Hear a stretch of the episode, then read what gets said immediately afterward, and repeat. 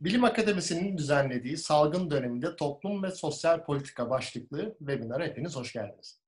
Bugün Bilim Akademisi üyesi ve sosyal bilimler alanında Türkiye'nin ve dünyanın önde gelen akademisyenlerinden 3 hocamızı ağırlıyoruz. Hepsine öncelikle teşekkür ediyorum.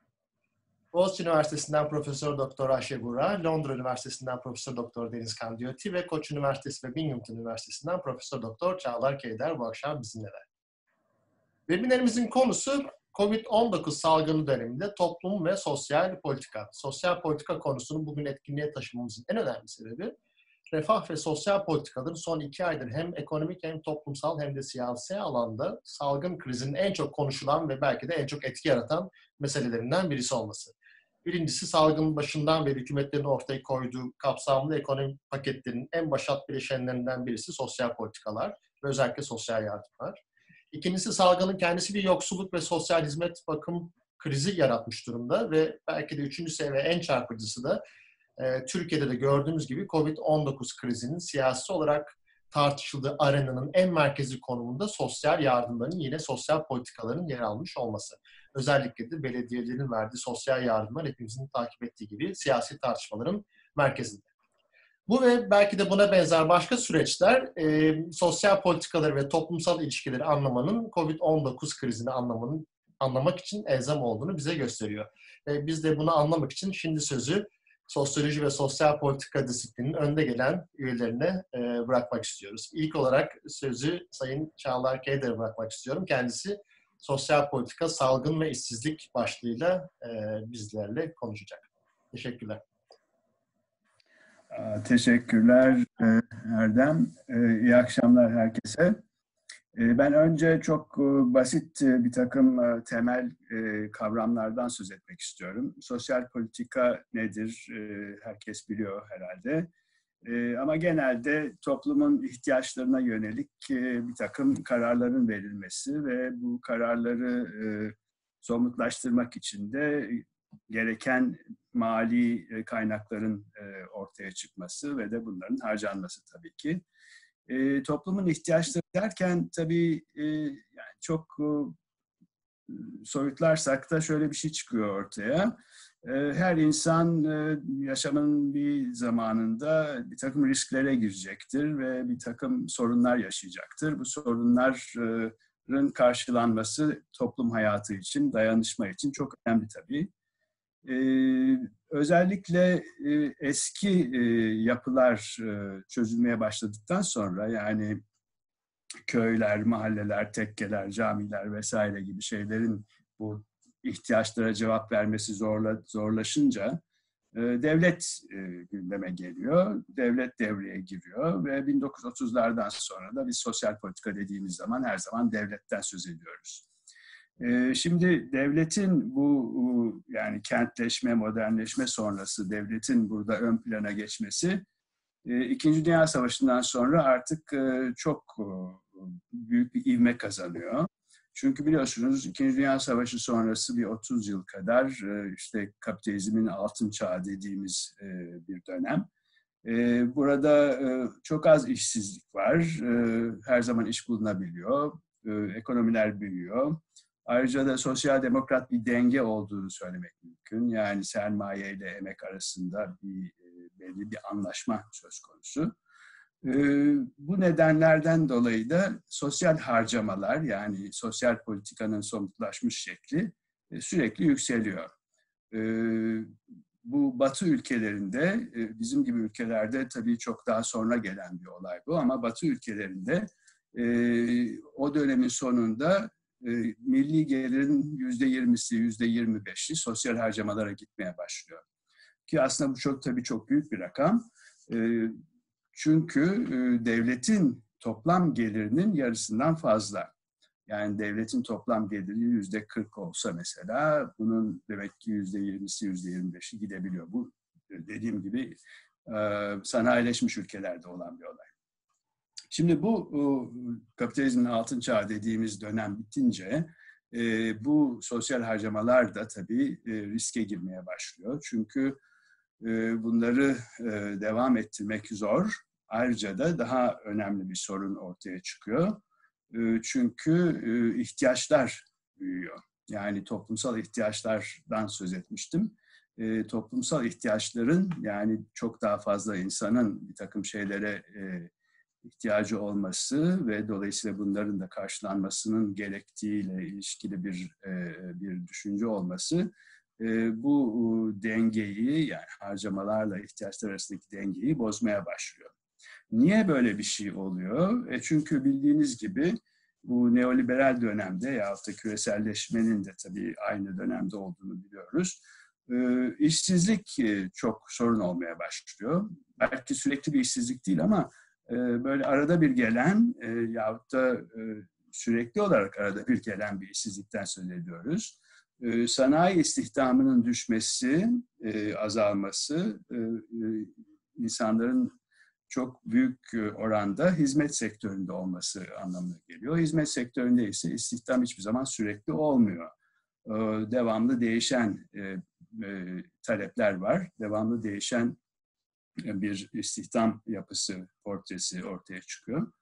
Aynı zamanda küresel rekabet dolayısıyla ücretlerin düştüğünü görüyoruz ve uzun dönemli iş imkanları çok daha azalıyor. E, bu dönemin diğer bir özelliği de sürekli 2-3 e, yılda bir bayağı bir e, kriz olması ve bu krizin yani ekonomik kriz olması ve ekonomik krizden dolayı da işsizliğin yeniden ortaya çıkması.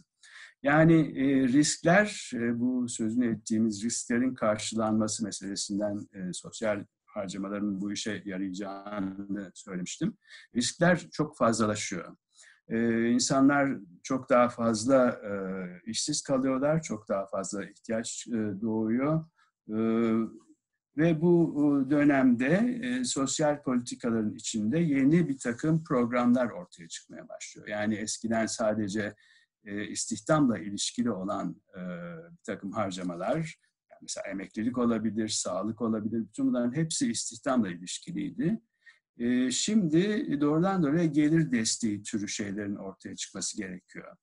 Ee, yani e, e, istihdam, farz edelim ki istihdamdan e, yeteri kadar yıl para ödememiş bir insana da bir yaşlılık maaşı vermek gerekiyor. Yahut da şu anda işi olmayan bir insana da yine sağlık desteği vermek gerekiyor.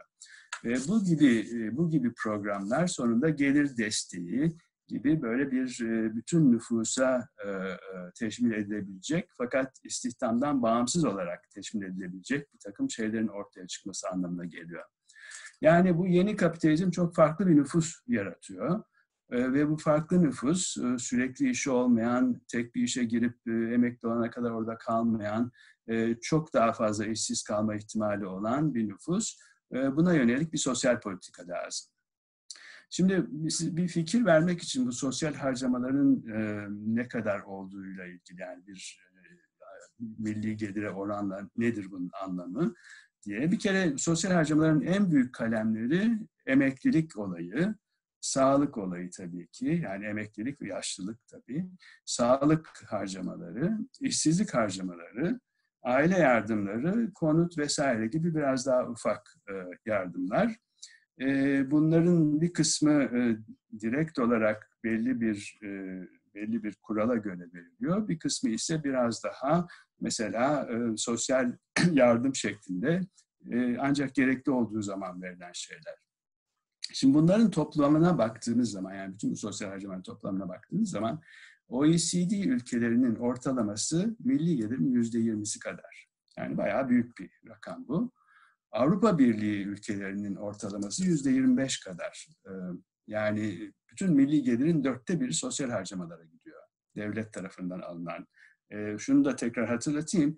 Devletin geliri, yani devletin toplam geliri OECD ülkelerin bazılarında yüzde 25 kadar, yüzde 20-25 kadar, bazılarında da yüzde 45, yüzde 50'ye kadar varıyor.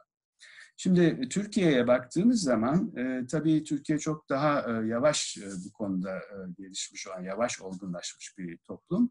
E, Türkiye gibi başka toplumlar da var, e, başka ülkeler de var. E, OECD'nin içinde mesela Meksika, Şili, Kore e, gibi ülkelere baktığımız zaman onlar da bizim kadar geç bu işe başlamış oluyorlar. Mesela Türkiye'de bu demin sözünü ettiğim oran 2000 yılında yüzde yedi buçuk. Yani milli gelirin sadece yüzde yedi buçuğu sosyal harcamalara gidiyor. 2010'dan itibaren de yüzde on iki buçuk civarında stabilize oluyor. Yani 2010'dan şimdiye kadar aşağı yukarı hep e, aynı kalmış. Şimdi e, biraz önce sözünü ettiğim e, olay e, yani ihtiyaçların artması meselesi. E, tabii bu e, harcamaları da zorlamaya başlıyor. Yani harcamaları yükseltmek gerekir bütün bu ihtiyaçlara cevap verebilmek için. Fakat e, bu vergi alma meselesi birazdan ona da geleceğim. Biraz zor. Dolayısıyla e, gazetelerden takip etmişsinizdir muhakkak. E, bütün bu Batı ülkelerinde yani bu, sosyal harcamaların varsayıldığı ülkelerde diyelim her zaman bir kavga var. Her zaman insanlar sokaklara gidiyorlar, çıkıyorlar. Bütün e, e genelde bütün siyaset bunun üzerine cereyan ediyor. Mesela Amerika'daki bu son dönemlerde bütün siyaset aşağı yukarı sağlık sigortası üzerine. Sağ, yani devletin sağlık harcamaları ne kadar olacak? Ee, bunun bundan başka emeklilik yaşı üzerine sürekli böyle bir siyaset mücadelesi var. İşsizlik tazminatlarının nasıl olacağı ile ilişkili e, var. Yani sosyal harcamalar aslında e, son e, 40 yılın falan herhalde siyasette en çok gündeme gelen e, e konularından biri. Şimdi e, bunu e, bırakayım bir kenara. E, salgın meselesine geleyim. E, salgın e, ne getiriyor? Salgın bu sözünü ettiğim, demin e, sözünü ettiğim e, prekarite olayının yani çok daha fazla işsizlik, çok daha fazla belirsizlik, çok daha az sürekli istihdam vesaire dolayısıyla risklerin artması ve risklerin artmasından dolayı da ihtiyaçların yükselmesi meselesi. Bütün bu belirsizliği çok yükselten bir olay şimdilik. Ee, yani virüs gidecek, ondan sonra her şey eskiye dönecek e, diye hakikaten buna inanabilsek, diyeceğiz ki peki bu bir müddet böylece böyle idare edilebilir. Belki e, sonra eski duruma dönebiliriz. Ama pek öyle benzemiyor böyle olacağı. Çünkü e, bugünkü işsizlik e, süreklilik kazanacak gibi. Yani bütün şimdiye kadar duyduğumuz şeyler İngiltere'den olsun, İtalya'dan olsun, Amerika'dan olsun, Türkiye'deki durum da biraz benziyor buna. E, işsizliğin e, çok yüksek miktarda arttığı, mesela Türkiye'de e, Şubat ayında 4,5 e, milyon işsiz vardı. Şimdi tahminler 12 milyondan e, bahsediyor. Mesela e, ABD'de 40 milyona şu anda çıkmış durumda işsizlik. 40 milyon insan işsiz. Yani bu 1930'lar seviyesinde neredeyse. Ve de gene bütün tahminler bu insanların döndükleri zaman, işlerine geri dönmek istedikleri zaman o işlerin orada olmayacağı. Yani mesela bugün herkesin e, ilgisini çekeceğini tahmin ettiğim bir e, haber vardı Guardian gazetesinde. İngiltere'de 30 e, binden fazla pub ve lokanta kapanmış. Yani bunlar tekrar açılmayacak. Yani bunların bütün istihdamını düşünürseniz demek ki bir 100 bin kişi minimum hiçbir zaman artık aynı işe dönemeyecek. Yani bu Amerika'da da aynı tür bir çalışma yapılmış. E, böyle iktisatçı iki kişinin yazdığı bir e, e bir makale. Bu e, şeyin 40 milyon insanın yüzde 42'sinin artık e, işlerine dönemeyeceği, çünkü o işlerin ortada, ortadan kalkacağı gibi bir tez sürüyorlar. Şimdi e, bu tabii sadece hizmet sektöründeki insanlardan da söz etmiyoruz. Yani hizmet sektöründe dediğim mesela bu işte publarda, lokantalarda, kafelerde çalışan insanlar. E, yani siz de muhakkak e, dinleyiciler de tahmin ediyorum e, kendi mahallelerindeki kafelere, lokantalara ya da ona benzer ufak e, düzeyde, ufak e, ölçekteki e, dükkanlara, çalışan e, imalathanelere vesaire baktıkları zaman bunu tahmin edebileceklerdir. Yani bunlar tekrar gelmeyecekler. E, ama yani sadece o da değil. E, çünkü bir takım e, böyle e, yani düzendeki değişiklikler e, sadece bu hizmet sektöründe olmayan şeyleri de etkileyecek. Mesela artık hepimiz evden çalışmaya alıştık. Evden çalışınca da daha rahat ediyoruz. Ben şahsen öyle. E, ve de birçok insan böyle olduğunu tahmin ediyorum. Ve bu insanlar evden çalışacaklarsa niye gidip de ceket, kravat satın alsınlar mesela? Demek orada da böyle bir şey olacak. Bir e, Yani bu tabii çok ufak bir örnek ama e, tahmin edersiniz yani bu e, yaşam üslubunun değişmesi diye bir şey söz konusu. Yani şöyle bir şey e, söylemek mümkün belki hep bildiğimiz, okuduğumuz işte teknoloji gelecek, şu kadar iş artık lüzumsuz olacak ve şu kadar insan işsiz kalacak gibi bir e, retorik hep var ortalıkta. Belki de bu e, bu salgından sonraki dönem e, bunun gerçekten gerçekleşeceği bir dönem olacak. Yani gerçekten bunu gözleyeceğiz. Belki abartıldığı kadar olmayacak ama herhalde eskiye nazaran çok daha farklı bir istihdam e, portresi ortaya çıkacak. Şimdi e, bu durumda tabii e, benim söylemek istediğim e, bu 1980'den sonra olduğunu e, söylediğim tür bir e, prekaritenin ortaya çıkması, belirsizliğin ortaya çıkması, daha fazla işsizlik olduğu daha fazla iş değiştirme meselesinin olduğu, bu gig ekonomi denilen şeyin olduğu bir dönemin e, olması, bu e, içinde olduğumuz salgında çok daha e, e, çok daha keskinleşiyor bütün bu durumlar ve çok daha belirgin hale geliyor. Şimdi e, böyle bir olasılık çerçevesinde e, siz de tahmin edersiniz ki bundan sonra Ayşe Buğra'nın konuşacağı olay istihdama bağlı olmayan bir gelir desteği yani temel gelir veya da yurttaşlık gelirinin gündeme gelmesi çok anlaşılır bir şey. Şimdi ben bununla ilgili bir şey söylemek istiyorum. Bu Ayşe başka başka boyutlarını anlatacak. Benim söylemek istediğim şu, şimdi temel gelir gündeme geldiği zaman hep peki bu gelir nereden gelecek? Yani bu kadar parayı nereden bulacaklar şeklinde bir eleştiri hemen ortaya çıkıyor. Şimdi e, bu tabii şu andaki e, gelire baktığımız zaman, yani şu andaki devlet gelirine ve şu anda devletin yaptığı diğer işlere baktığımız zaman bu e, haklı bir eleştiriymiş gibi geliyor.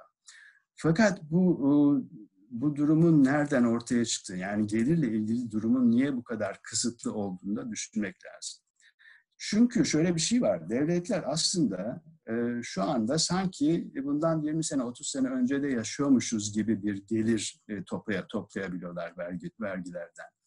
Yani şu andaki çok önemli vergi kaynaklarını göz ardı ediyorlar. Bunun iki nedeni var. Bir tanesi e, vergi oranlarını çoktan beri değiştirmiyorlar, azaltıyorlar. Mesela Türkiye bu konuda çok özel tabii. Çünkü Türkiye'de gelir vergisi diye bir şey neredeyse yok. Yani var da sadece e, maaşlardan, ücretlerden alıyorlar. Gelir vergisi diğer gerçek geliri elde eden insanlardan alınan bir şey değil. Her yerde böyle. Amerika'da mesela gelir vergisi bundan e, 30 sene 40 sene önce e, marjinal düzeyde yüzde sekseni yüzde doksana kadar erişirken şimdi her şey yüzde otuza yüzde kırka kadar inmiş. Yani bir yandan e, bu yeni ortaya çıkan geliri toparlayamıyorlar. Bir yandan da tam tersine gelir oran, e, vergi oranlarını azaltıyorlar. Ama bu ufak bir şey. Bu gelir vergisi ufak bir şey. Esas büyük olan şey servet vergisi. Niye? Çünkü e, bu dönemde yani bu son 40 yıllık dönemde diyelim servetler o kadar korkunç miktarlarda, o kadar korkunç düzeylerde artmış ki bu servetlerin üzerinde neredeyse sıfır vergi var ve de e, bu servetleri elinde tutan insanlar yani milyarderler, gazetede isimlerini okuduğumuz insanlar tabii kendilerinin e, avukatlar ordusu var e, ve istedikleri yere servetlerini koyabiliyorlar. Paravan şirket kurabiliyorlar. Hatta kendilerine devlet kiralıyorlar vergi vermemek için ve bütün servetlerini oraya aktarabilmek için. Ayrıca da tabii siyasi olarak çok güçlüler. Siyasi olarak güçlü olmak demek devletin bu tür bir vergi kaynağını düşünmesini dahi önlemek anlamına geliyor. Şimdi o yüzden temel gelirle ilgili herkes, temel geliri savunmak isteyen herkes servet vergisi olayında ön plana çıkarmak mecburiyetinde kalıyor. Ve bu çok şu anda tartışılan bir olay. Yani 1980'lerden beri işçilerin ve orta sınıfın aşağı yukarı hiçbir gelirlerin, gelirlerinde oran olarak hiçbir yükselme olmamış. Buna karşılık, pardon oran olarak diyorum, şey olarak mutlak düzey olarak hiçbir yükselme olmamış. Buna karşılık bütün milli gelirdeki yükselmeyi esas olarak bu yukarıdaki yüzde bir, belki yüzde yüzde sıfır nokta bir, belki de yüzde sıfır nokta sıfır nokta bir olan insanlar toparlamışlar. Ve sonuç olarak mesela işte bugün gene ya bugün veya dün hatırlayamıyorum şimdi ortaya çıkan bir haber şöyle diyor. Son iki ayda yani bu Covid olayı ortaya çıktıktan beri ABD'de milyarderlerin bakın milyarderlerden söz ediyoruz sadece milyarderler dolar milyarderlerin serveti 440 milyar dolar artmış. Yani bu artma yani bu demek ki bu işsizliğin bir, takım insanlara yaradığını görmek çok mümkün. Zaten biliyorsunuz e, e, bütün bakkallar, marketler, işte dükkanlar hepsi kapatılınca, hepsi zarar etmeye başlayınca kim en çok kazanmış? Amazon en çok kazanmış. Kim en çok kazanıyor? İşte Facebook kazanıyor vesaire vesaire. Yani bu finans sektöründe ve büyük büyük teknoloji sektörlerinde e, hisse senedi sahibi insanlar, e, onların yüksek yöneticileri vesaire bunlar korkunç e, miktarlarda e, para kazanıyorlar son 30 yılda. Şimdi özellikle öyle anlaşıldı. E, ve de bunların topladığı servet e, e, muhtemelen e, temel gelir e, türü bir programın da e, başlaması için kafi bir e, e, miktar. E, ama tabii bunu yapmak için siyasi güç gerekiyor. Siyasi güç devletleri buna ikna etmek için gerekli. E, bu olabilir mi? Orta sınıfla işçi sınıfı birleşip de hakikaten devleti bu şekilde zorlayabilir mi? Bunları bilemiyoruz tabii ki. Teşekkür ederim. Çok teşekkürler e, hocam. Şimdi sözü Sayın Ayşe Buray'a bırakıyorum. Kendisi de tam bu konu hakkında salgın sırasında gündeme gelen temel gelir desteğinin çekiciliği ve kısıtları başlığıyla bize konuşacak. Çok teşekkürler hocam şimdi. Teşekkür. Ee, şimdi e, temel gelir, e, Çağlar Keder'in de söylediği gibi bir süredir istihdamla gelir arasındaki bağlantının değişmesi, istihdamın şekil değiştirmesiyle e, tartışılmaya başladı. Bu salgın ortamında da e, salgının yarattığı işsizlik, yoksulluk gibi sorunlarla nasıl baş edilecek diye düşünülürken temel gelirden çok fazla bahsediliyor. Yani Financial Times'a kadar e, temel gelir savunuları bulduğumuz makalelere rastlıyoruz. Ve enteresan tarafı, yani temel gelir tartışmasının enteresan tarafı, hem zengin ülkelerde, Amerika'da, Kanada'da, Avrupa'nın çeşitli ülkelerinde, hem gelişmekte olan ülkelerde, Türkiye gibi, hem de çok yoksul güney ülkelerinde tartışılması ve bu fikri savunanların olması. E, aynı zamanda e, başka bir enteresan tarafı da e, e, siyasi spektrumun her noktasında en sağdan en sola kadar temel geliri destekleyenlerin, savunanların bulunması. E, şimdi hakikaten fikir çekici bir fikir. E, çekici fikir ve ben neden çekici olduğuyla ilgili e, bir şeyler söyleyeceğim. Sonra da e, Erdem'in dediği gibi e, kısıtları nedir, e, neler düşünmek gerekir onun yanı sıra ondan bahsedeceğim. E, şimdi temel gelir e, e, yeni değil 16. yüzyıldan beri bütün kapitalist ülkelerde gündemde olan yoksul yardımlarıyla, e, yoksul yardımlarıyla, gelir destekleriyle ilişkili bir kavram. Ama aynı zamanda bir yoksul yardımı değil. E, önerilen şey bir ülkede yaşayan bütün yetişkin bireylere ihtiyaç tespiti yapılmaksızın belirli bir nakit transferi yapılması düzenli olarak. İhtiyaç tespiti yok, transfer düzenli. Hem zenginlere hem yoksullara herkese veriliyor. Ve buradaki mantık geliri belirli bir düzeyin üzerinde olanlardan vergilerle geri alınacak. Böyle bir mantık. Şimdi tabii insanlara e, siz yoksulsunuz onun için biz size yardım ediyoruz diyerek e, e, onları e, yoksul damgası altında e, yaşamaya mahkum eden bir yaklaşımdan farklı. Bu, bu yurttaşlık kavramıyla bu bağlantısı yüzünden çok çekici bir fikir. Ama bunun yanı sıra e, şöyle bir avantajı da var. E, gelir tespiti, e, ihtiyaç tespiti yapılmadığı için bürokratik maliyeti çok düşük. İhtiyaç tespiti çok pahalı bir şeydir. Çok mufassal bir bürokrasi gerektirir. Ve e, o kadar masraflıdır ki bazen bürokratik maliyet verilen nakit desteğinden daha fazla olabilir. Bunu e, ortadan kaldırıyor temel gelir. E, bu bürokratik maliyeti ortadan kaldırıyor. Onun için de Ortodoks iktisatçıların da e, çekici buldukları bir fikir haline geliyor. E, e, bunun tabii başka bir avantajı da sosyal politika alanında çok tartışılan bir konudur yararlanma oranı. E, mufassal bürokrasi, karmaşık bürokrasi hakikaten yoksul olan, hakikaten yardımı hak eden insanların e, yardıma başvurmalarını engelleyen bir e, e, bir unsur haline gelebilir. Dolayısıyla yararlanma oranı denilen şey sosyal politikada e, çok düşük olabilir. Bu da bir sorun olarak tartıştığımız bir şeydir. Bu da ortadan kalkıyor.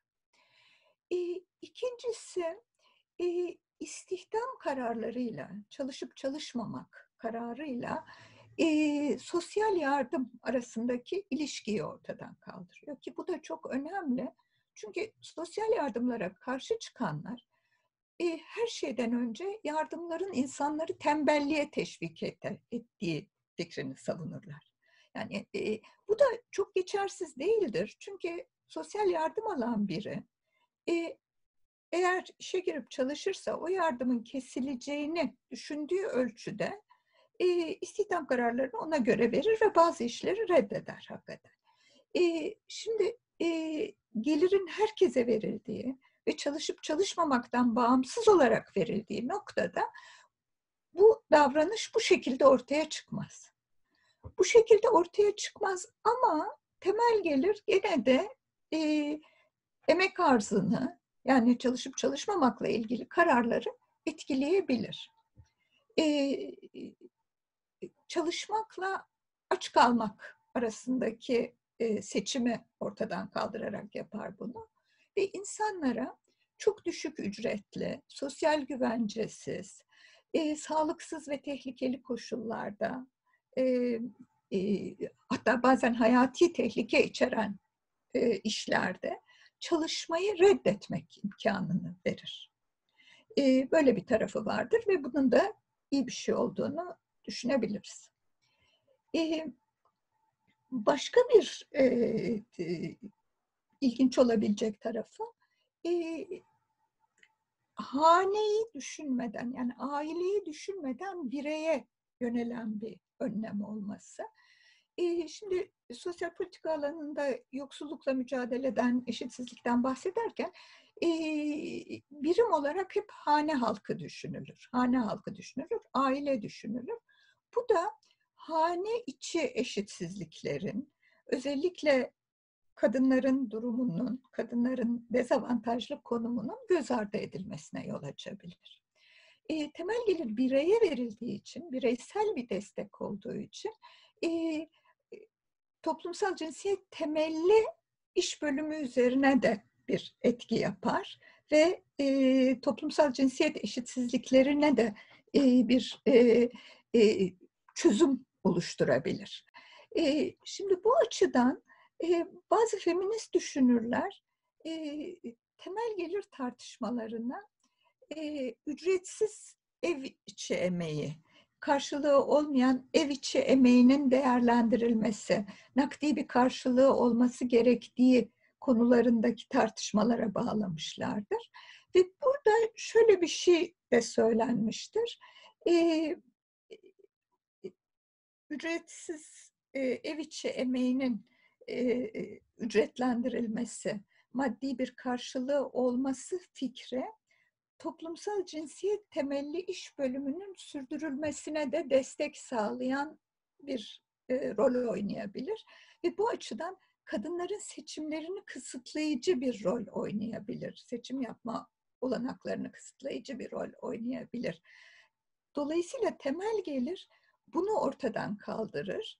Kadınların evin dışında çalışmayı kabul etme ya da reddetme özgürlüğünü korur. Dolayısıyla kadınların özgürlük alanını genişletir de denilmiştir. Bu da üzerinde düşünülebilecek bir şey. Ee, şimdi içinde bulunduğumuz salgın ortamında e, temel gelir fikrinin başka bir e, e, olumlu görülebilecek tarafı e, temel gelir gibi bir uygulamanın var olduğu yerde bir otomatik istikrar unsuru oluşturması. Bu sisteme içkin otomatik istikrar mekanizmaları kavramı Keynesyen iktisat içinde çok kullanılan bir kavramdır. Pardon. Ee, mesela artan oranlı vergiler de böyledir. Artan oranlı gelir vergileri de böyledir. Bir daralma döneminde, bir e, ekonomik kriz döneminde, ekonomi daraldığı zaman, tüketim harcamaları düştüğü zaman, yani e, talep düştüğü zaman bu tür mekanizmalar e, bir denge unsuru yaratırlar. Temel gelir de böyle bir denge unsuru yaratabilir ve özellikle dar gelirli kesim için önemli olduğu için ve gelirle tüketim arasındaki ilişki gelir gruplarına göre değiştiği için, farklılaştığı için çok anlamlı olabilir. Dar gelirli kesim gelirinin e, daha üst gelir gruplarına göre daha büyük bir kısmını tüketime ayırır. Hatta tamamını tüketime ayırır. Dolayısıyla o kesimin e, düzenli bir gelire sahip olduğu durumda tüketimdeki düşüş sınırlanmış olur. Bu da e, demin konuşuluyordu e, küçük işletmelerin tüketim malları üreten işletmelerin iflas edip ortadan kalkmasını engelleyici bir rol oynayabilir bir miktar.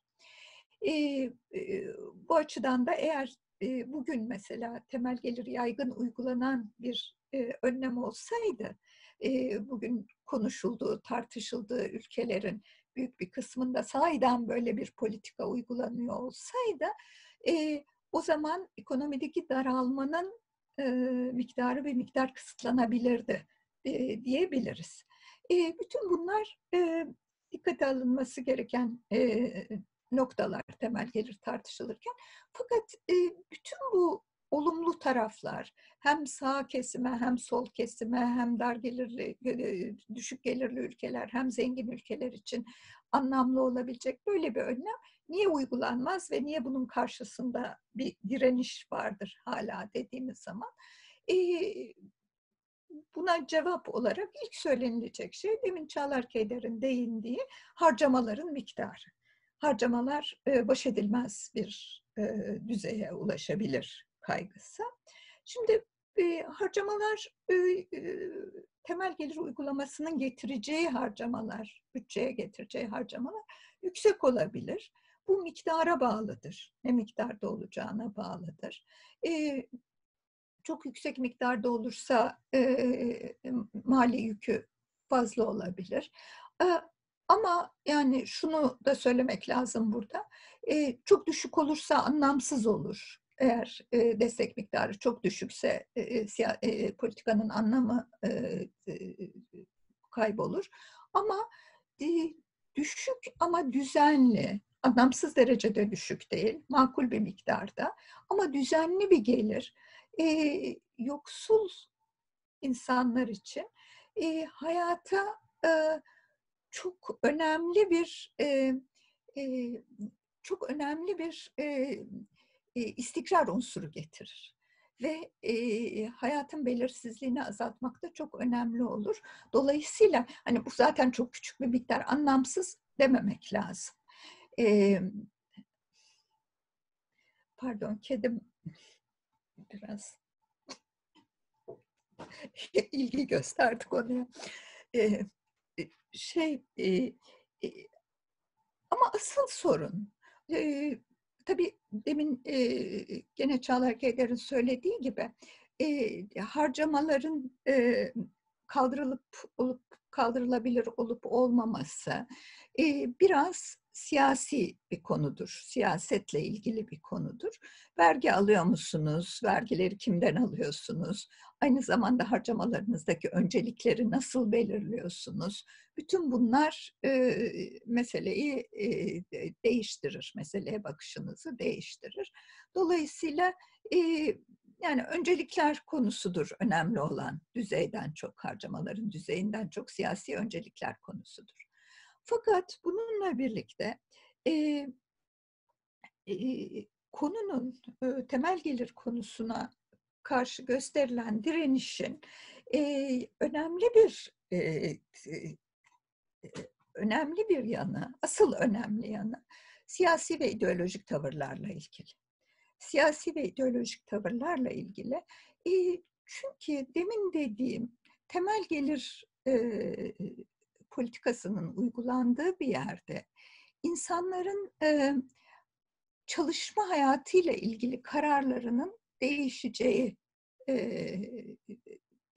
değişeceği açıktır ve e, eğer insanlara yurttaş değil de iş gücü olarak bakılıyorsa, e, insanların yaşamak için emeklerini satmak zorunda oldukları düşünülüyorsa, o zaman bir insanın açlıktan ölmemek için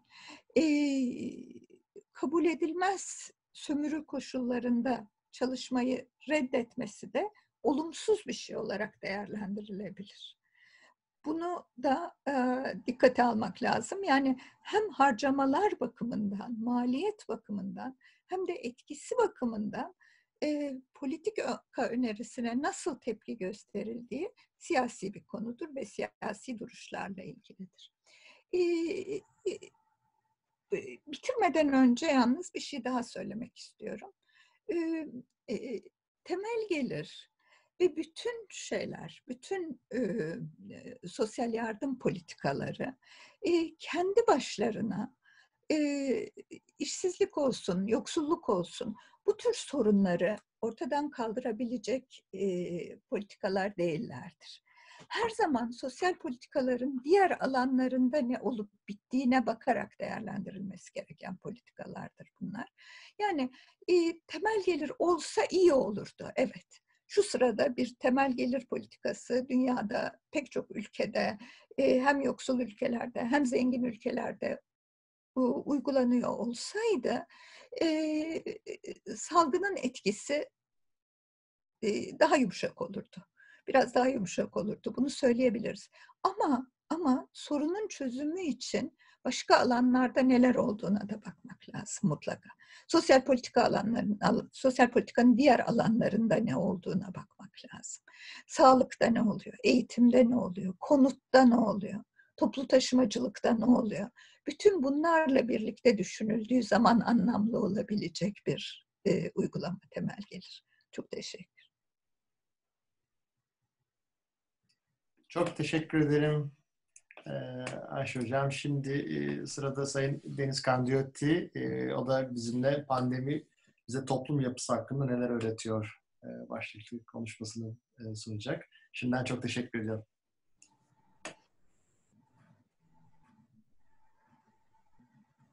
Hocam mikrofonunuzu açabilirseniz. Evet açtım.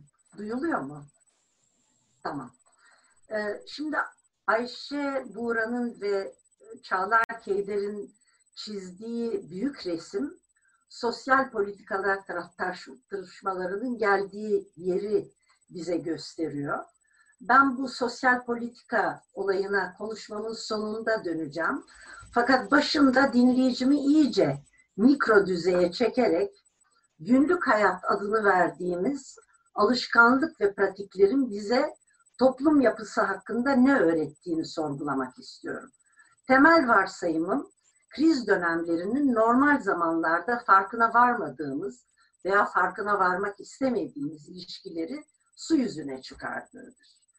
Ee, bu konuda iki gözlem e, üzerinde duracağım. Birinci gözlemim pandeminin her toplumdaki fay hatlarını bütün açıklığıyla ortaya çıkardığı ve eşitsizlikleri keskinleştirdiğidir. Ee, Çağlar'ın çok yapıcı verdiği örnek oransız biçimde işsizlik artarken servetlerin artması örneği mesela. Şimdi uluslararası eşitsizlikler bir yana pandeminin sınıf ve ırk boyutları birçok çalışma tarafından irdelendi. Ama kanımca bunun toplumsal cinsiyet boyutunu çok iyi anladığımızı düşünmüyorum. Türkiye'de kadın emeği ve istihdamı girişimi KEİG'in yaptığı çalışmalar dışında bu konuda fazla bir veri tabanı geliştirildiği fikri de yok bende. Oysa sosyal izolasyon ve hareket kısıtlamaları sebebiyle günlük hayatı daha yaşanır hale getiren resmi ve gayri resmi kurumlarla olan bağların çözülmesi en doğrudan etkilerini cinsiyetler ve kuşaklar arası ilişkilerde günlük bazda gösteriyor. Birçok çalışma kadınların hem piyasa yoluyla elde ettikleri bazı hizmetleri hem de aileye destek olan okul gibi kurumların da işlevlerini üstlenerek toplumsal yeniden üretim adını verdiğimiz bakım işlevlerini e, yüklenerek orantısız bir biçimde arttırdıklarını gösteriyor. Örneğin e, 4-19 Nisan tarihleri arasında yapılmış bir araştırma İngiltere'de kadınlara çocuklara verdiği eğitim ve bakım zamanının yüzde 50 oranında arttığı ve erkeklerle aralarında ciddi bir uçurum açıldığını gösteriyor. Beni en çok hayrete düşüren bulgu ise bu farkın yüksek gelirli ailelerde büsbütün artması. Yıllık ücreti takriben 97 e, bin doların üstünde olan ailelerde ve evden çalışan annelerin günde çocuk eğitimi ve bakım işlerinin toplam 7 saat kadar olduğunu gösteriyor. Tipik bir babanın katkısı ise neredeyse bunun yarısı kadar ve gelir seviyesi düştükçe daha da azalıyor. Yani iktisatçıların fırsat maliyeti kavramı şaşırtıcı bir biçimde işlemiyor. Yani haneye yaptığınız mali katkı, yüksek mali katkı cinsiyetler arası iş bölümünde esnekliğin artmasına yaramıyor. Orta sınıf kadınların yüklerini hafifleten başlıca unsurlar piyasa yoluyla temin edilen hizmetler, temizlikçi, bakıcı vesaire gibi okul, okul sonrası faaliyetler ve informal yardımlaşma ağları olarak ortaya çıkıyor. Bu tabii orta sınıflarda. Düşük gelirli kesimlerde ise tabii pandemide ağırlıklı olarak hemşireler, sağlık çalışanları, temizlik işçileri, kasiyerler gibi kadın yoğun mesleklerin öne çıktığını ve temel hizmetleri sağladığını görüyoruz. Nitekim Amerika'da zannediyorum New York Times'da çıktı. E, temel işçi kategorisine e, girenlerin sadece yüzde 28'i erkek, çoğunluğu kadın ve çoğunluğu güvencesiz ve düşük gelirli işler, e, düşük ücretli işlerde çalışıyorlar ve tabii risk kategorileri de çok daha yüksek. Salgına yönelik mali paketlere baktığımızda ise bunların kayıtlı ekonomiye ve küçük orta işletme sahiplerine yöneldiğini görüyoruz. Kısacası toplumsal cinsiyet alanında, e, alanında büyük uçurumların açıldığını görüyoruz fakat onları algılayamıyoruz. Algılamamızın sebebi de bu doğal addedilen bir düzenin uzantısı gibi göründüğü için e, o bir şekilde gizliyor. Oysa sosyal politikaların tarihsel gelişimine baktığımızda e, aile politikaları da diyoruz onlara bazen. Ben toplumsal cinsiyet politikaları demeyi tercih ediyorum. Yeniden üretim yüklerinin nasıl paylaşılacağı konusu her zaman canlı ve sert bir çatışma alanı politik olarak. Dolayısıyla bu beni ikinci gözlemime bağlıyor. İkinci gözlemimde Çağlar'ın çok güzel ifade ettiği e, neoliberalizmin krizi sadece tüketim, iş alanına hapsedilemez. Aynı zamanda ciddi bir yeni, yeniden üretim krizi ve buna bağlı olarak da bir bakım krizine işaret ediyor. Nasıl? Şimdi küresel kapitalizmin değişen koşullarına koşut olarak her zaman için sosyal politikalarında değiştiğini biliyoruz. Örneğin harp sonrası gelişmeci devlet modelinde çağların kapitalizmin altın çağı olarak bahsettiği dönemde en azından kayıt dışı ekonominin oldukça düşük olduğu batı toplumlarında işçi sendikalarının da mücadeleleriyle aile ücreti e, politikası ortaya çıktı ve aile ücreti bildiğiniz gibi çalışanın sadece kendisini değil ona bağımlı olan kadın ve çocukların da geçindirecek bir düzeyde olacağını öngörmüştür. Böylece bu dönemde kadınlar ya bağımlı yahut da ikincil kazanç getiren bireyler olarak tanımlanmıştır. Ne görüyoruz? Neoliberalizmle birlikte esnek, istikrarsız ve güvencesiz işlerin giderek yayın, yaygınlaştığını görüyoruz. Ama bunun yanı sıra aynı zamanda aile kurumuna yüklenen birçok işlevin giderek metalaştığını görüyoruz ve devreye bakım zincirleri diyebileceğimiz aranjmanların girdiğini görüyoruz.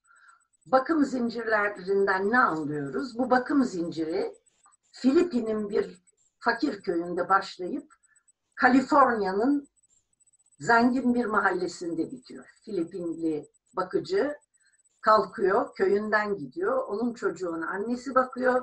Filipinli kadın, zengin Amerikalı. O kadar uzağa gitmeyelim. Bu zincirlerin bir kısmı Moldova'da başlıyor ve İstanbul'da bitiyor. Yaşlı bakımında kullandığımız göçmen kadınların durumunda olduğu gibi bu sık sık rastladığımız bir durum. Bu dönüşümlerin kanımca beraberlerinde ciddi bir toplumsal cinsiyet krizi doğurduklarını görüyorum ve düşünüyorum. Bu krizin en belirgin belirtisi erkeklerin giderek güvensizleşen ve daralan iş imkanlarının aile geçindirme sorumluluklarına darbe vurması. Literatürün başka bir kısmında buna erkeklik krizi adı veriliyor ama ben bir dereceye kadar hoşlanıyorum bundan veya fazla hoşlanmıyorum. Şimdi bunun tabii bir takım e, sosyal, politik ve demografik sonuçları oluyor. Giderek geç evlenmek, ev açacak parayı bulamayanların çoğunluğunun göç yoluyla. Çok ilginç bir araştırma. Burada bulunan İstanbul'da birçok Afgan göçmen işçinin başlık parası toplamak için çalıştıklarını örneğin hala yürürlükte olan Afganistan'ın büyük yöresi. Yani e, evlilik yoluyla toplumu yeniden üretme mekanizmalarının tıkandığını görüyoruz. Şimdi başka bir örnekte, tam tersi örnek. E, hatırlayacaksınız, ihracata yönelik e, dönemin yükselişinde Doğu ve Güneydoğu Asya'da ucuz emek arayışında optik, tekstil, hazır giyim, elektronik alanlarda büyük bir kadın istihdamı patlaması olmuştu. Oradaki durumda bir bakıyordunuz hanenin en fazla ve en düzenli gelir getireni genç bir kadın. Şimdi ben çabuk bağlayacağım sorulara geçebilmek için. Yöreden yöreye tabii değişiyor. Bu hane içi iş bölümleri ve yaşam stratejileri değişebiliyor. Fakat bağımlı kadın modeli de dinamitlenmiş oluyor. Veyahut da e, temel direkt e, ev geçindirme sorumluluğunu yüklenen erkek modeli dinamikleniyor. Şimdi bazı e, kuramcılar, Manuel Castells gibi bu gelişmeleri ataerkilliğin sonu olarak tanımladı. Yani onun yaptığı analizde artık ataerkillik bitmiştir diyor. Ee, ben öyle görmüyorum. Çünkü pratikte maddi temelini geniş ölçüde yitirmiş de olsa ideolojik ve yasal alanlarda erkek ayrıcalıklarını muhafaza etmeye yönelik artık ataerkillik diyemeyeceğimiz benim eril restorasyon dönemi dediğim bir dönemden söz edebiliriz. Yani artık e, Tastelzniokva haklı, ataerkillik terimi uymuyor bu olan bitenlere. Fakat kesinlikle bir eril restorasyon rejimi var. Bu ne demek? Bu şu demek, e, pandemiden önce yükselmeye başlayan sağ popülist hareketlerin hepsinin aralarında önemli farklılıklar olduğunu görüyoruz. Fakat çok önemli bir ortak paydaları olduğunu görüyoruz dikkat ettiğimiz zaman. Bu ortak payda kadın ve aile politikaları şaşmaz bir biçimde. Şimdi bunun sebebini tabii sorgulamak lazım. Bunun iki sebebi var. Bir tanesi tabii politik ekonomide açıklanabilecek bir e, şey. O da her dönemde olduğu gibi devletlerin masrafı kısmak için yeniden üretim yüklerini aileye iade etmeye çalışması. Fakat bence ikinci bir sebebi var. İkinci sebep de doğrudan doğruya siyasi bir sebep.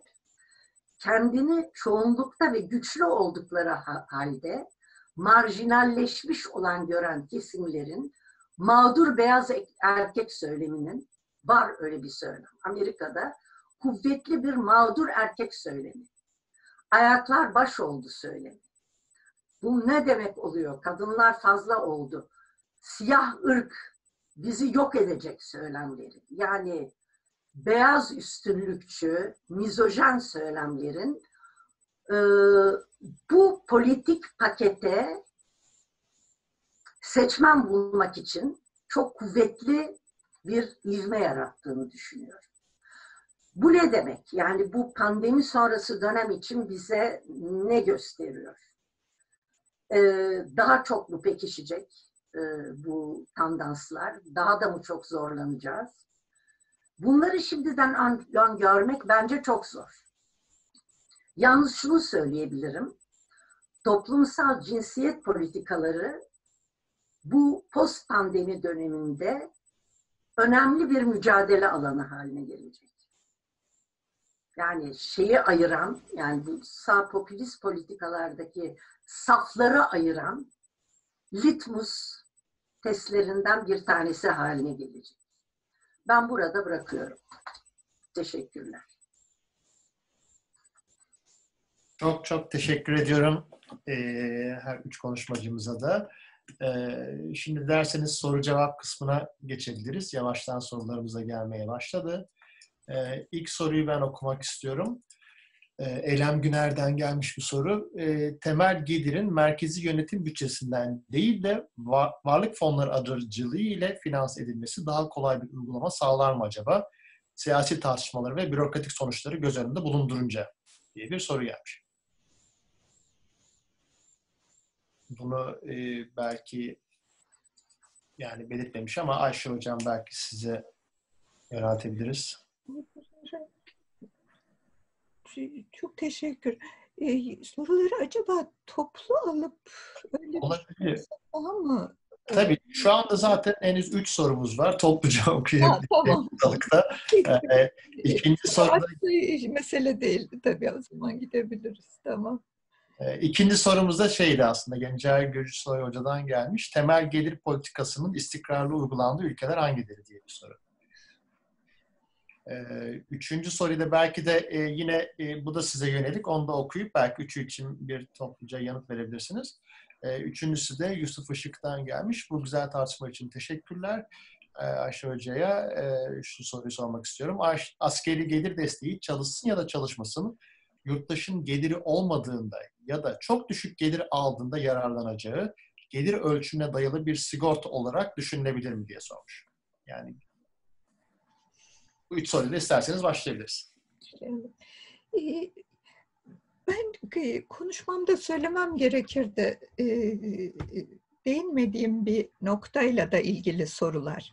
Ee, onun için hepsine birden e, o şekilde cevap verebilirim.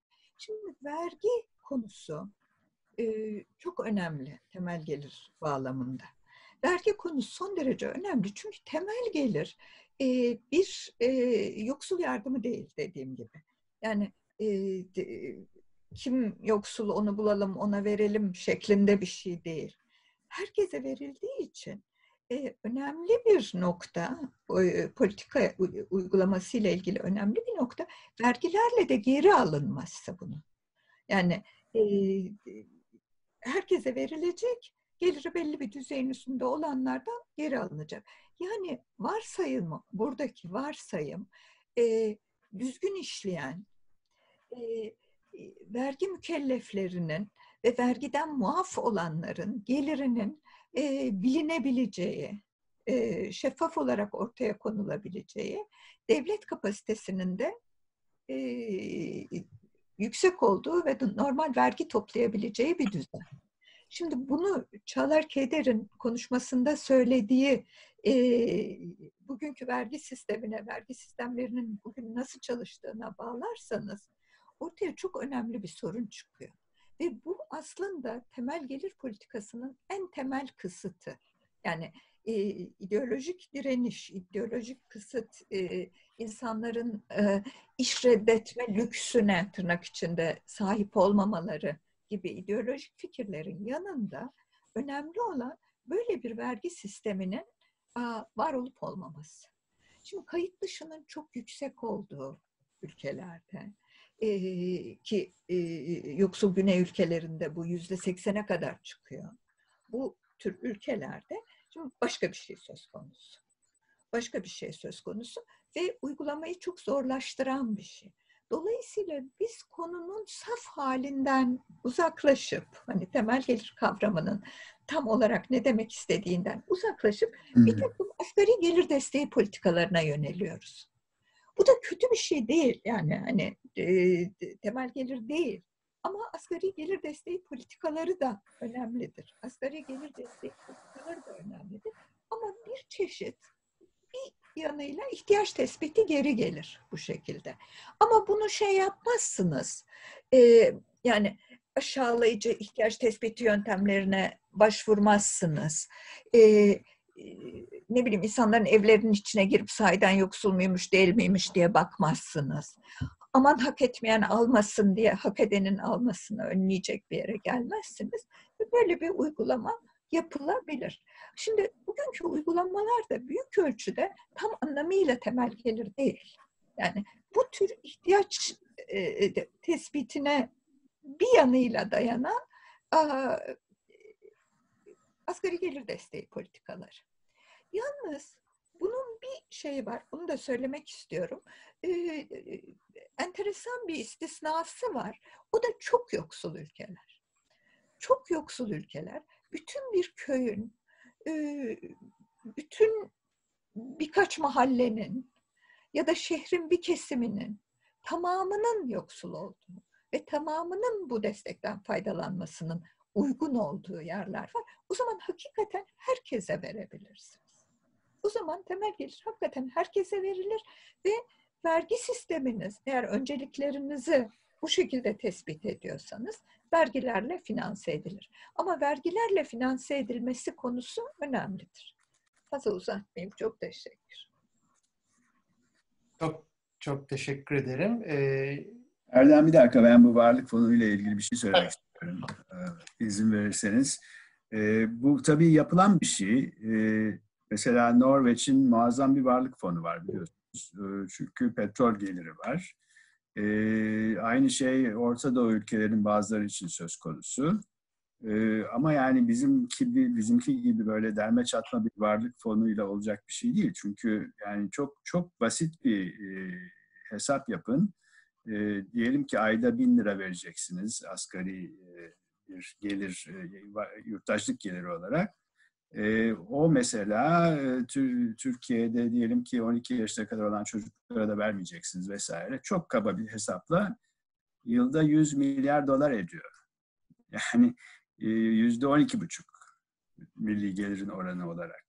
Yani bu bizim varlık fonunun başa çıkabileceği bir şey değil. Yani çok gerçek vergi yeniden yapımı yapılanması gerektiren bir şey. Teşekkürler hocam. Ee, şimdi soruları gruplandırmaya çalışıyorum. Deniz Hanım size e, yönelik Türkiye'de toplumsal cinsiyet eşitliği karşıtı hareketleri nasıl değerlendirebiliriz diye bir soru var Esra Aslan'dan gelmiş. Evet, şimdi Türkiye'de ilginç yeni gelişmeler var bence. Çünkü e, tabandan gelen e, erkek hareketleri yoktu. Mağdur erkek hareketleri. Şimdi yenilerde o da başlamış. Yani şeye nafaka eziliyoruz diyen bir takım erkekler. Yani nafaka vermekte ne oluyor e, vesaire. Bu aslında hem yerel hem küresel. Çünkü bu tabii e, e, bütün dünyada e, aile e, aile dostu mu diyeceğiz? Platformlar çok yaygınlaştı ve çok büyük paralı yani 90'lı yıllardan beri Vatikan'ın desteklediği Orta ve Doğu Avrupa ülkelerinde çok ivme kazanmış büyük paralı bir hareket. Bu hareket e, uzun zaman e, pek Türkiye'ye uğramamıştı. E, hem Türkiye'nin küreselleşmesi hem de Türkiye'de kadın hareketinin çok kuvvetli olmasına koşut olarak bu hareketlerde başladı. Fakat burada bir ilginç şey söyleyip bağlayacağım. Türkiye tabii küresel düzenin bir parçası olduğu için hükümet destekli bir takım STK'lar da Avrupa projelerinde vesaire bir takım hükümetin imza bastığı anlaşmaları savunuyor. Örneğin İstanbul Anlaşması gibi. Dolayısıyla Kadem gibi devletin aslında desteklediği bir e, STK e, feminizmle suçlanabiliyor ve e, İslami basında derhal bu İstanbul Anlaşması feshedilsin, ortadan kalksın diye baskılar çıkabiliyor. Yani durum Türkiye'de şu anda çok karışık o bakımdan. Yani e, cinsiyet politika kavgaları hem küresel esinli bir takım e, hareketler doğuruyor. Hem de tabii e, yereli yansıtan ilginç gelişmelere gebe. Bu arada son bir şey söyleyeceğim. E, bu politikalarda e, kadınların erkeklerle birlikte aynı platformlarda gözükme şeyi de yükseliyor. Bu da yeni. Yani e, toplumsal cinsiyet konusunda bir konferansta erkek dinleyici görmezdiniz eskiden. Şimdi gittiğim toplantılarda yüzde elli, yüzde elli. Bu erkekler kim, ne istiyorlar? Kadın eşitliğini destekleyerek nasıl bir politik çizgi sergiliyorlar? O soruyu sormak lazım. Evet. Ee, birkaç tane soruda sizden eril restorasyon kavramını biraz daha açmanızı rica etmişler hocam. Evet, şimdi eril restorasyondan kastım şu. Ee, bir, şöyle diyeyim. Ee, e, şeye karşı, e, siyahlara karşı e, Amerika'da şu andaki tepki Civil Rights Hareketi sonrası tepkiler. Yani bir takım elde edilmiş haklar var. Elde edilmiş haklar var. Kadın hakları da öyle bu kadınların elde ettiği hakları geri çevirme söz konusu burada. Yani bazı hakim grupların kaybettikleri bazı e, ayrıcalıkları geri kazanma. Şimdi bu tabii farklı bir politika. Çünkü bu geri kazanma hareketi hem daha çok şiddet hem de daha çok ideolojik baskı uygulamak zorunda. Bakın Bourdieu'nun çok güzel yaptığı bir ayrım vardır. Doksa ve ortodoksi arasında. Der ki doksa dünyayı olduğu gibi algıladığımız, kabul ettiğimiz bir dünya. Ortodoksi ise o dünyanın yıkıldığı ve ancak büyük ideolojik eforlarla ve aynı zamanda cebir aygıtlarını da devreye sokarak kurulan bir şey. Dolayısıyla şimdiki erkek ayrıcalıkları ancak eril restorasyon politikalarıyla elde edilir. Şöyle bir örnek vereceğim. Belki uzak gelecek ama aterkilliğin çöküşüyle ilgili. Tabii aterkillik kadın erkek ilişkilerinden ibaret değil. Ailenin koruyuculuğu vesaire. Çok seneler önce bu iş tutmadı ama Çin hükümeti yaşlı anne babasına bakmayanlara ceza kesmeye karar vermişti. Yaşlı anne babasına bakmayan oğullardan ceza. Şimdi bu ne demektir? Bu iş bitti demektir. yani aslında e, üç kuşaklı ailede korunaklı yaşam devlet ceza kesmeye başlayınca bu düzen zaten yıkılmış demektir. Şimdi kadınları da cebren bir takım rollere itmeye çalışmak zaten yıkılmış bir düzenin restorasyonu anlamına gelir. Eril restorasyonu anlamda kullanıyor.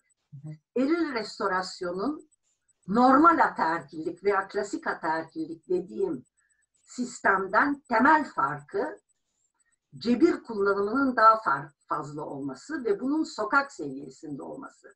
Meksika'da Ciudad Juarez'deki kadın cinayet salgınını hatırlar mısınız? Fabrikada çalışan kadınlar seri cinayetleri. Şimdi bunlar çok yeni. Çünkü eskiden pek tanımadan birbirini öldürmezdi kadın ve erkekler. Yani töre cinayetleri çok entim. Ya abini öldürür ya baban öldürür. Öyle tanımadığın etmediğin adamları dan diye sırf kadın olduğun için seni vurması çok olası değildi. Şimdi çok yaygın olarak böyle anonim ve kamusal kadın şiddeti olaylarına rastlıyoruz. New Delhi'de otobüste kadın ırzına geçme, İstanbul'da kıyafetini beğenmediğin kadına tokat atma vesaire vesaire. Bunlar bizim bildiğimiz geleneksel şiddet biçimleri değil. Bu şiddetin çok eril restorasyon sistemi içinde. Ha diyeceksiniz ki bu tokat atan adamlar nasıl cesaret buluyor? İran'da kolay. Yasa var, polis adam yani devlet görevlisi olarak müdahale ediyor. Şimdi Türkiye'de öyle bir şey yok. Bu adam nasıl müdahale? Bana bir şey olmaz diye müdahale ediyor. Sovyeto'da aynı şekilde zaten devlet buraya kadar girmez diyor. Güney Afrika'da yani. Güney Afrika'daki varoşların sporu toplu hırza geçme mesela. Ee, şöyle, yüzeyde benzer gibi görünen fakat sosyolojik olarak derin farklılıkları olan ve sonuçta politikaya dayanan süreçler bunlar. Onun için hani mikroya indim ama bu sosyal politikalarla çok direkt olarak bağlanıyor aslında düşündüğünüz vakit. Tamam. Sizinle ilgili e, size yönelik bir diğer soru da kadın hareketinin geleceğiyle ilgili. E, hem e, kadın emeğinin daha görünür olması hem de bu bahsettiğim sosyal politikalar babında siz kadın hareketinin geleceğine yönelik neler öngörüyorsunuz diye sorular var. Şimdi kadın hareketi derken işler aslında çok karıştı 90'lı yıllardan beri biliyorsunuz. Şimdi Batı'da kadın hareketleriyle cinsel özgürlük platformlarının bir araya gelmesi, bir araya gelememesi bir sürü sorun yaratıyor ve şimdi toplumsal cinsiyet politikalarında yeni çatlaklar ortaya çıkmaya başladı. Bence buna hiç girmeyelim. Yani bütün akşamı çünkü e, şeyle geç yani kadın hareketleriyle bitmiyor iş çünkü. Araya gay, lezbiyen, bütün sosyal şey hareketleri giriyor ve tabii onlara bağlı olarak sosyal politika meselesi. Mesela aynı cinsten evlenmişlerin e, veraset hakları, evlenme hakları yani bir sürü yeni sosyal politika alanını açıyor. E, ben kendi hesabıma e, bu toplumsal cinsiyet kavgalarının popülist hareketler tarafından kafalarında yarattıkları bir elitle biz halk arasındaki uçurumu büyütmek için bir silah olarak kullanacaklarını zannediyorum. O kadar. Kadın hareketi kötü bir şeydir. Niye? Çünkü çocuklarınızı gay yapmaya çalışıyorlar. Bu tip argümanları her yerde görüyoruz. Bir de dehşete kapıldım, farkında değildim. Benim mahallemde çocukların çizdiği gökkuşağı resimleri var her yerde. Camlarda. Türkiye'de meğer bu e, gay lezbiyen olarak yorumlanıp bir şekilde e, bu yapılmamalıdır gibi basında öyle şeyler çarptı diyor. İnşallah doğru değildir. Londra'dayım kusura bakmayın uzaktan izliyorum.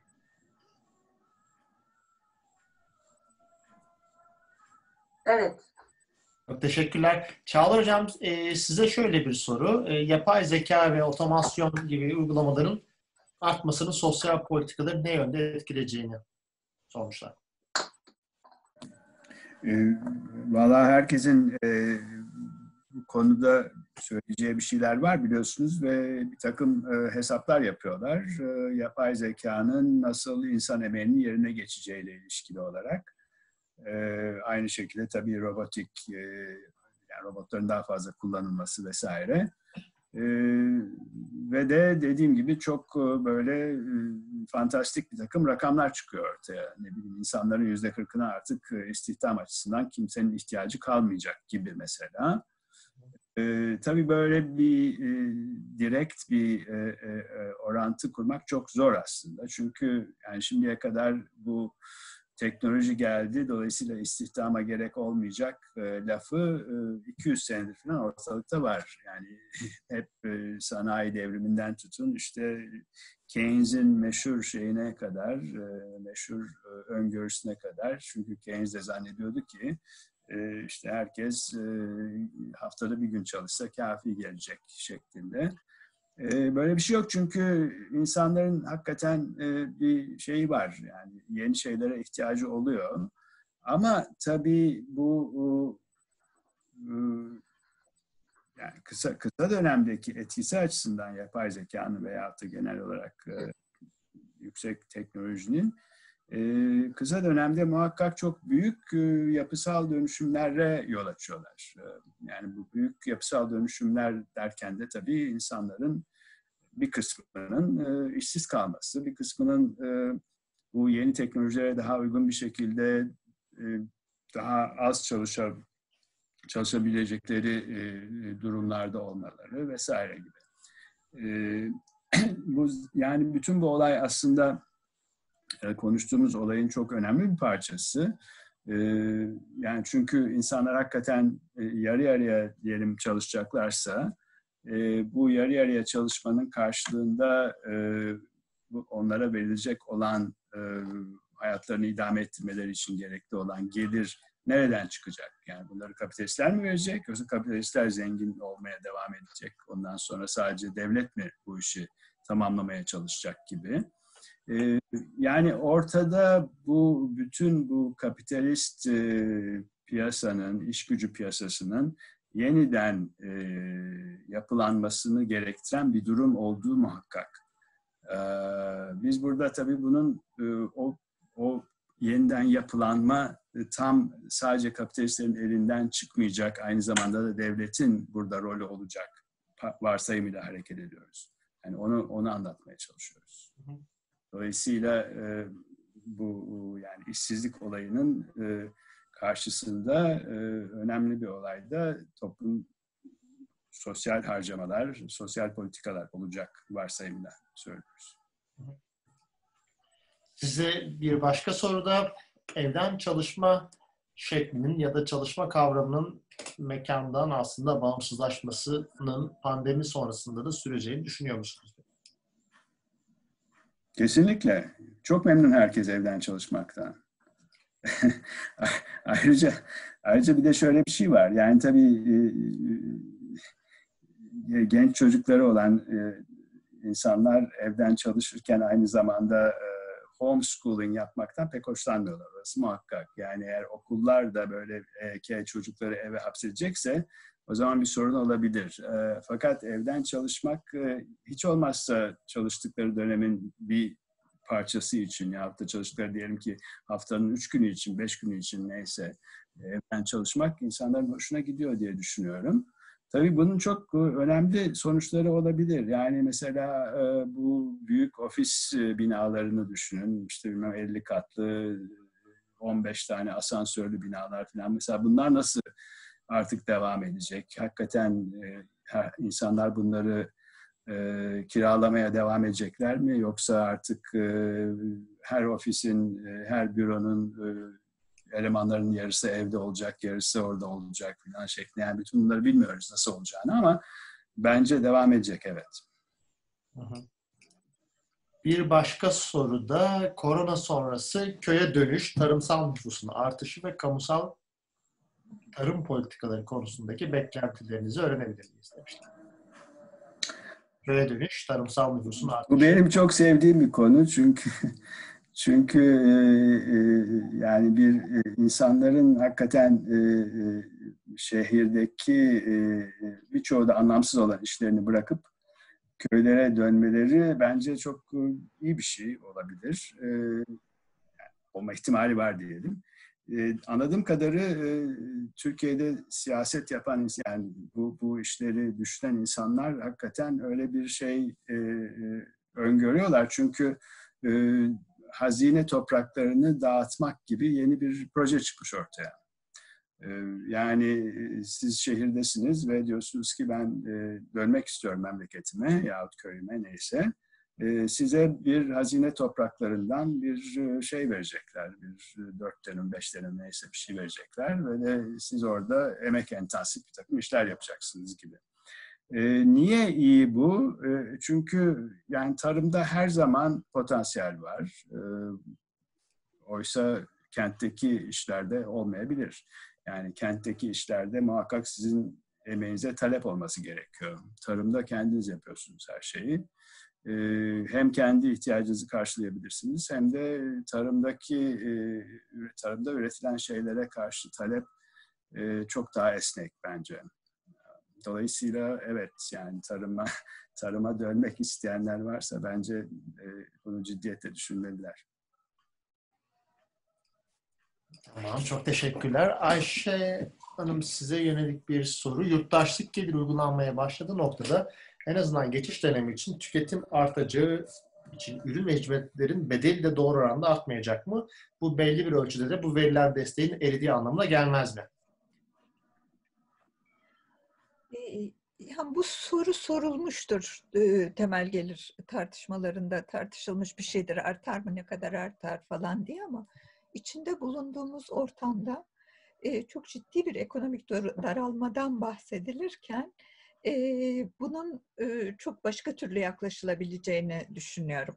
Yani e, şu sırada gelir artışı demek daralan tüketimin genişlemesi ve dolayısıyla e, arzın e, teşvik edilmesi demek ki bu ortamda hiç e, söz konusu olacağını zannetmiyorum. Yani burada önemli olan şey e, daralma ve artan taleple bu daralmanın ne kadar e, karşılanabileceği sorusu. Tamam. Aziz Çelik'in bir sorusu var. Ee, yani kısaca şöyle özetleyebilirim. Ee, temel gelirde şöyle bir formülasyon olamaz mı? Sosyal güvenlik sisteminin dışında olan 16 milyon kişiye uygulansa e, hani bütçesel anlamda da daha e, uygulanabilir olmaz mı diye sormuş.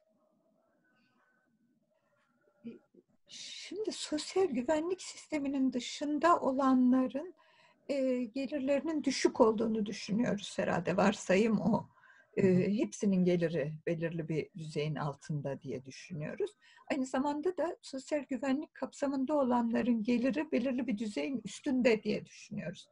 Bu varsayımlar çok doğru olmayabilir. Çok doğru olmayabilir.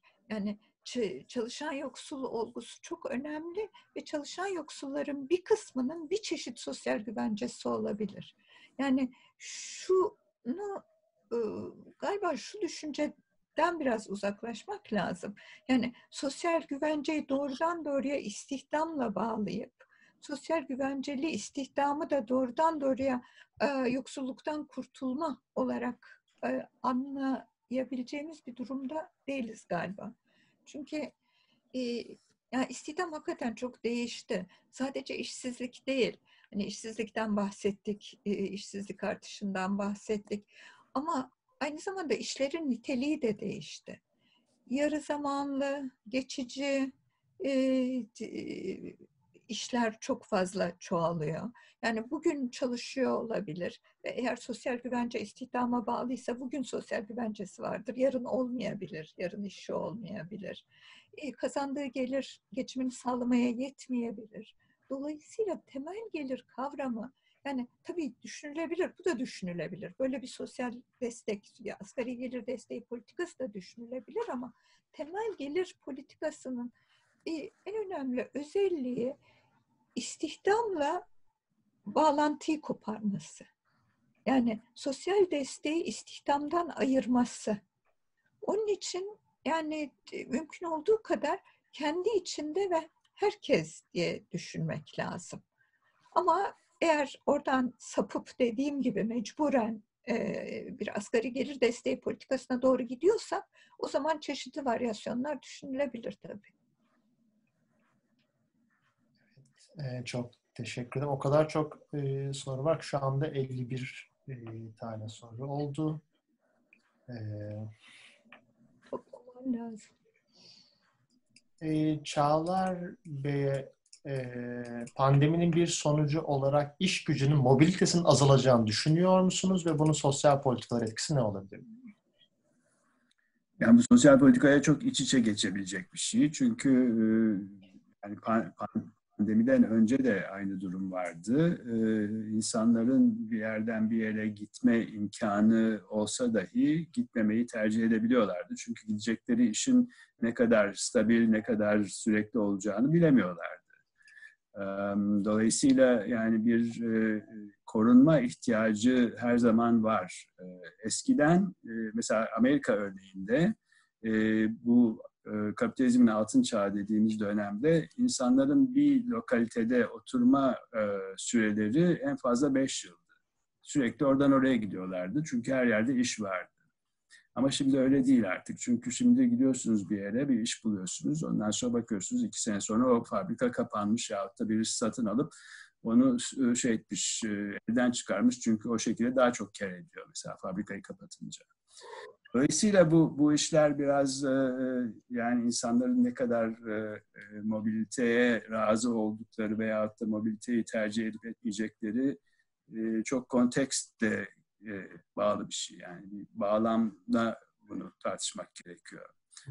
Eğer e, hakikaten eski, eskiden olduğu gibi böyle sürekli istihdam imkanı olacaksa e, başka şeyler oluyor. Olmayacaksa insanlar daha e, tutucu, daha konservatif olabiliyorlar bu tür seçimlerde.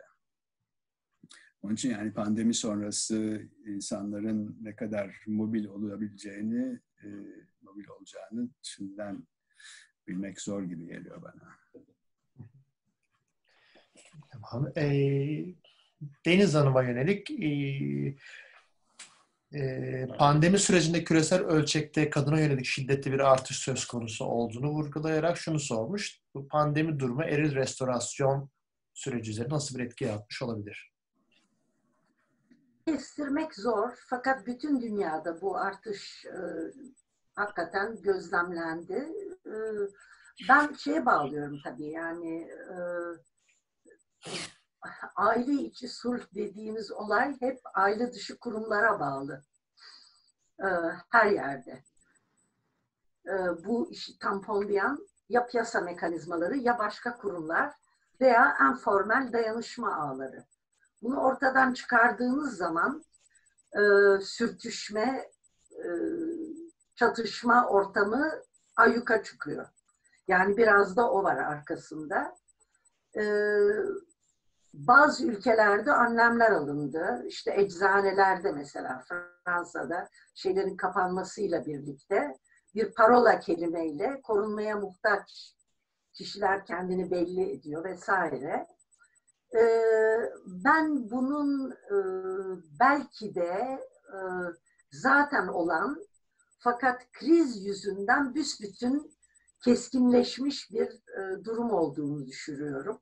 İleriye yönelik e, benim eril restorasyon dediğim süreçler aslında çok daha politik süreçler. Yani mikro düzeydeki bu ev içi şiddet, ev içi şiddetten bahsediyoruz. Ev içi şiddetinin bunun bir göstergesi olduğunu düşünmüyorum aslında. Evet. E, şöyle bir soru var Deniz Hanım. E, Birleşmiş Milletler birimlerinin sağladığı fonlar ve uygulamalarda veya özellikle Avrupalı bazı sivil yapılarda bir yandan toplumsal şiddet, cinsiyet eşitliğinin sağlanması ve kadına yönelik şiddetin önlenmesinde erkeklerin katılımının çok önemli olduğu e, bu popüler bir konu oldu diyor. Bazı feminist gruplar bu meseleye çok şüpheli yaklaşsa da bazı gruplar da erkeklerin katılımı ve dönüşümü olmadan eşitsizlik sorunun çözülemeyeceğini iddia ediyor. Özellikle de toplumsal cinsiyet eşitliğinin sağlanması için katkıda sunmak, katkı sunmak isteyen ya da katkı sağladığını iddia eden e, erkek gruplarını nasıl düşünmeli ve değerlendirmeliyiz diye bir soru.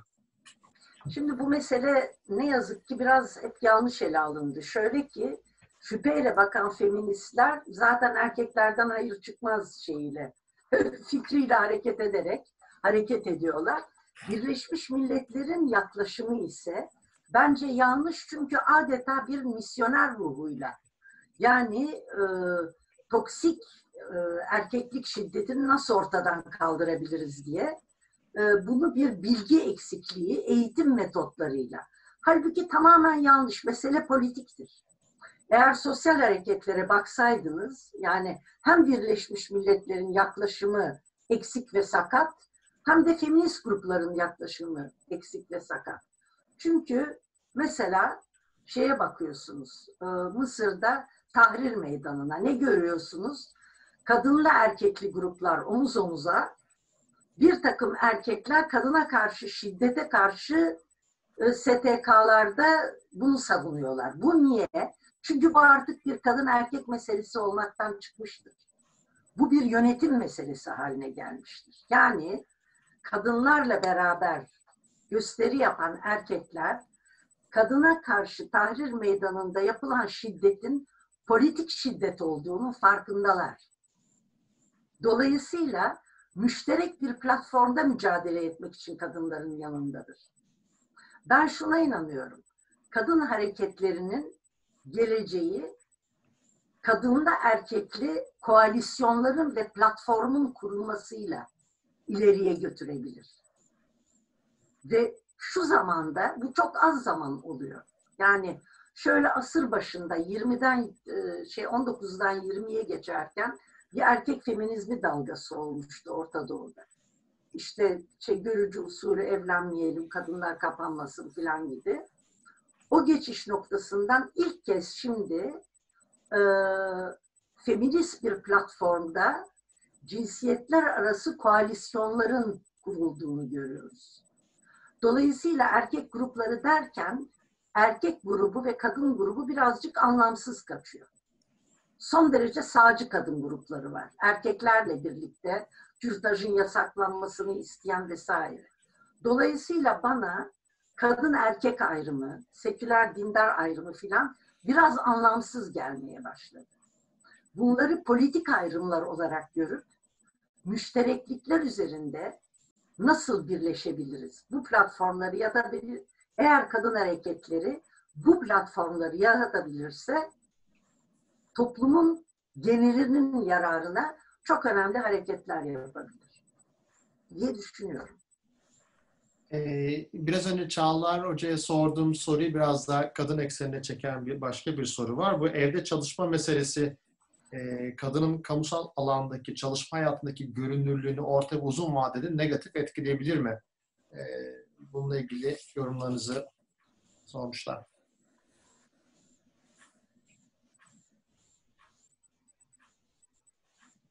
Deniz Hanım size. Ha, bana mı soruyor? Evet, evet, evet. Pardon. Ben Çağlar'ın cevap vermesini bekliyorum. Allah'ım kusura bakmayın.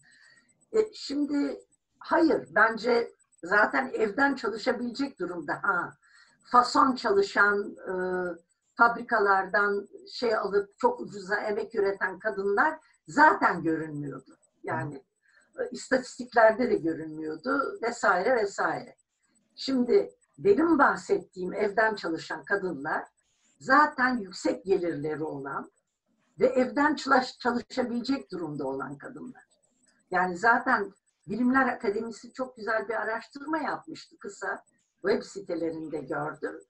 Müthiş bir eğitim ve gelir farkı var. Evde çalışabilenlerle çalışamayanlar arasında.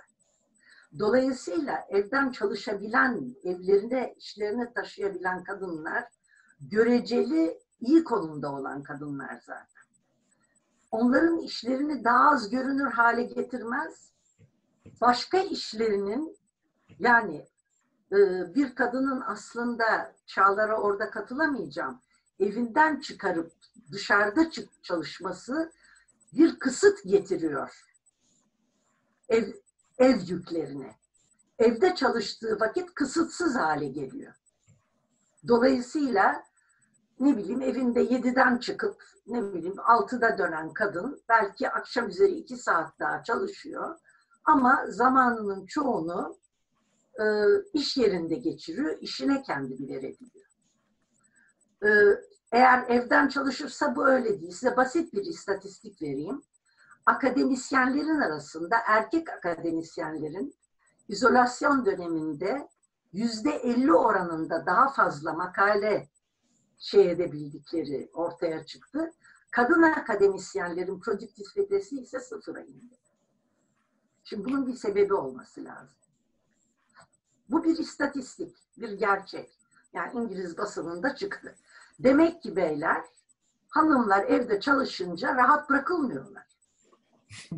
Zamanları kendilerine hiçbir zaman ait olmuyor. O açıdan kadınların ev dışında çalışmasının faydalı bir şey olduğunu düşünüyorum. Eğer mesleklerinde yükselmeyi, daha yüksek maaşlar almayı vesaire düşünüyorlarsa. Ee, Ayşe Hoca ve Çağlar Hoca'ya bir soru Elif Can Çelebi'den. Pandemi döneminde sürekli kilit sektörler, kilit çalışanlar, kilit alanda çalışan firmalar gibi tabirler kullanıldı. Özellikle tarım, gıda ve sağlık alanları kastedilerek. Pandemi sonrasında bu alanlardaki metalaşmanın azalması gibi bir beklentiniz, öngörünüz var mı? Tarım, gıda ve sağlık alanlarında. Olur tabii. Yani e, söyleyeyim mi ben? Bununla ilgili çok özür dilerim. Bir de e, konut meselesiyle ilgili de başka bir soruyla aslında birleştirebiliriz. Yani sosyal konutlar gibi politikaların genişlemesini de aslında öngörebilir miyiz? Söyleyeyim mi? Yani lütfen.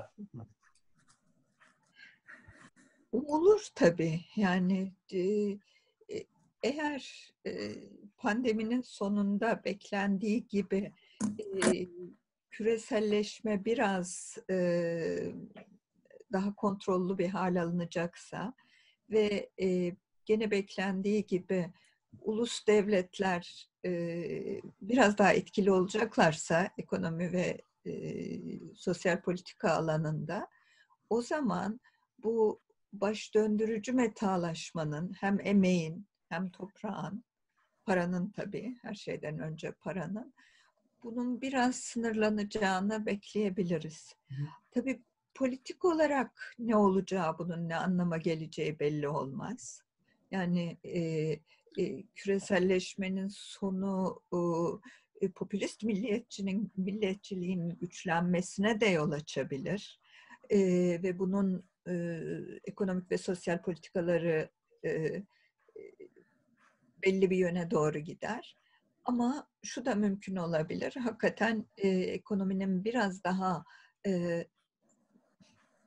şimdi Polanyi lafı kullanacağım ama ekonominin biraz toplumla uzlaştırılması gibi bir yöne de gidebilir. O zaman böyle bir e, böyle bir şey bekleyebiliriz. Ve tarım konusunda mesela e, Çağlar'ın demin söylediklerine ben çok katılıyorum. Tarım belki biraz daha başka bir gözle bakılacak. Mesela e, yani tarım önemsenmedi, işte agrobusiness'a e, büyük tarım işletmelerine teslim edildi. Küçük köylülüğün ortadan kalkması Allah'ın emriymiş gibi kabul edildi. Hani tarım diye bir şey yok artık ve şehirleşmenin bu acayip halinin bu şekilde gideceği ve şehirlerin şehirlikten çıkacağı da karşı çıkılmaz bir şey olarak görüldü. Bütün bunlar belki biraz değişebilir sahiden ve o kilit sektörlerdeki e, e, ilişkiler, kilit sektörlerin başka sektörlerle ilişkileri ve tabii istihdamın niteliği e, etkilenebilir. Bunun ne olacağı, Deniz çok siyaset dedi. Ben de çok siyaset deme taraftarıyım. Hep siyaset deme taraftarıyım. Siyasetin daha önem kazandığı ve e, neyin ne olacağının biraz e, siyaset alanında belirleneceği bir yere doğru gidiyoruz. O galiba yani e, en kesin yapılabilecek öngörü bu. Siyaset daha önemli olacak.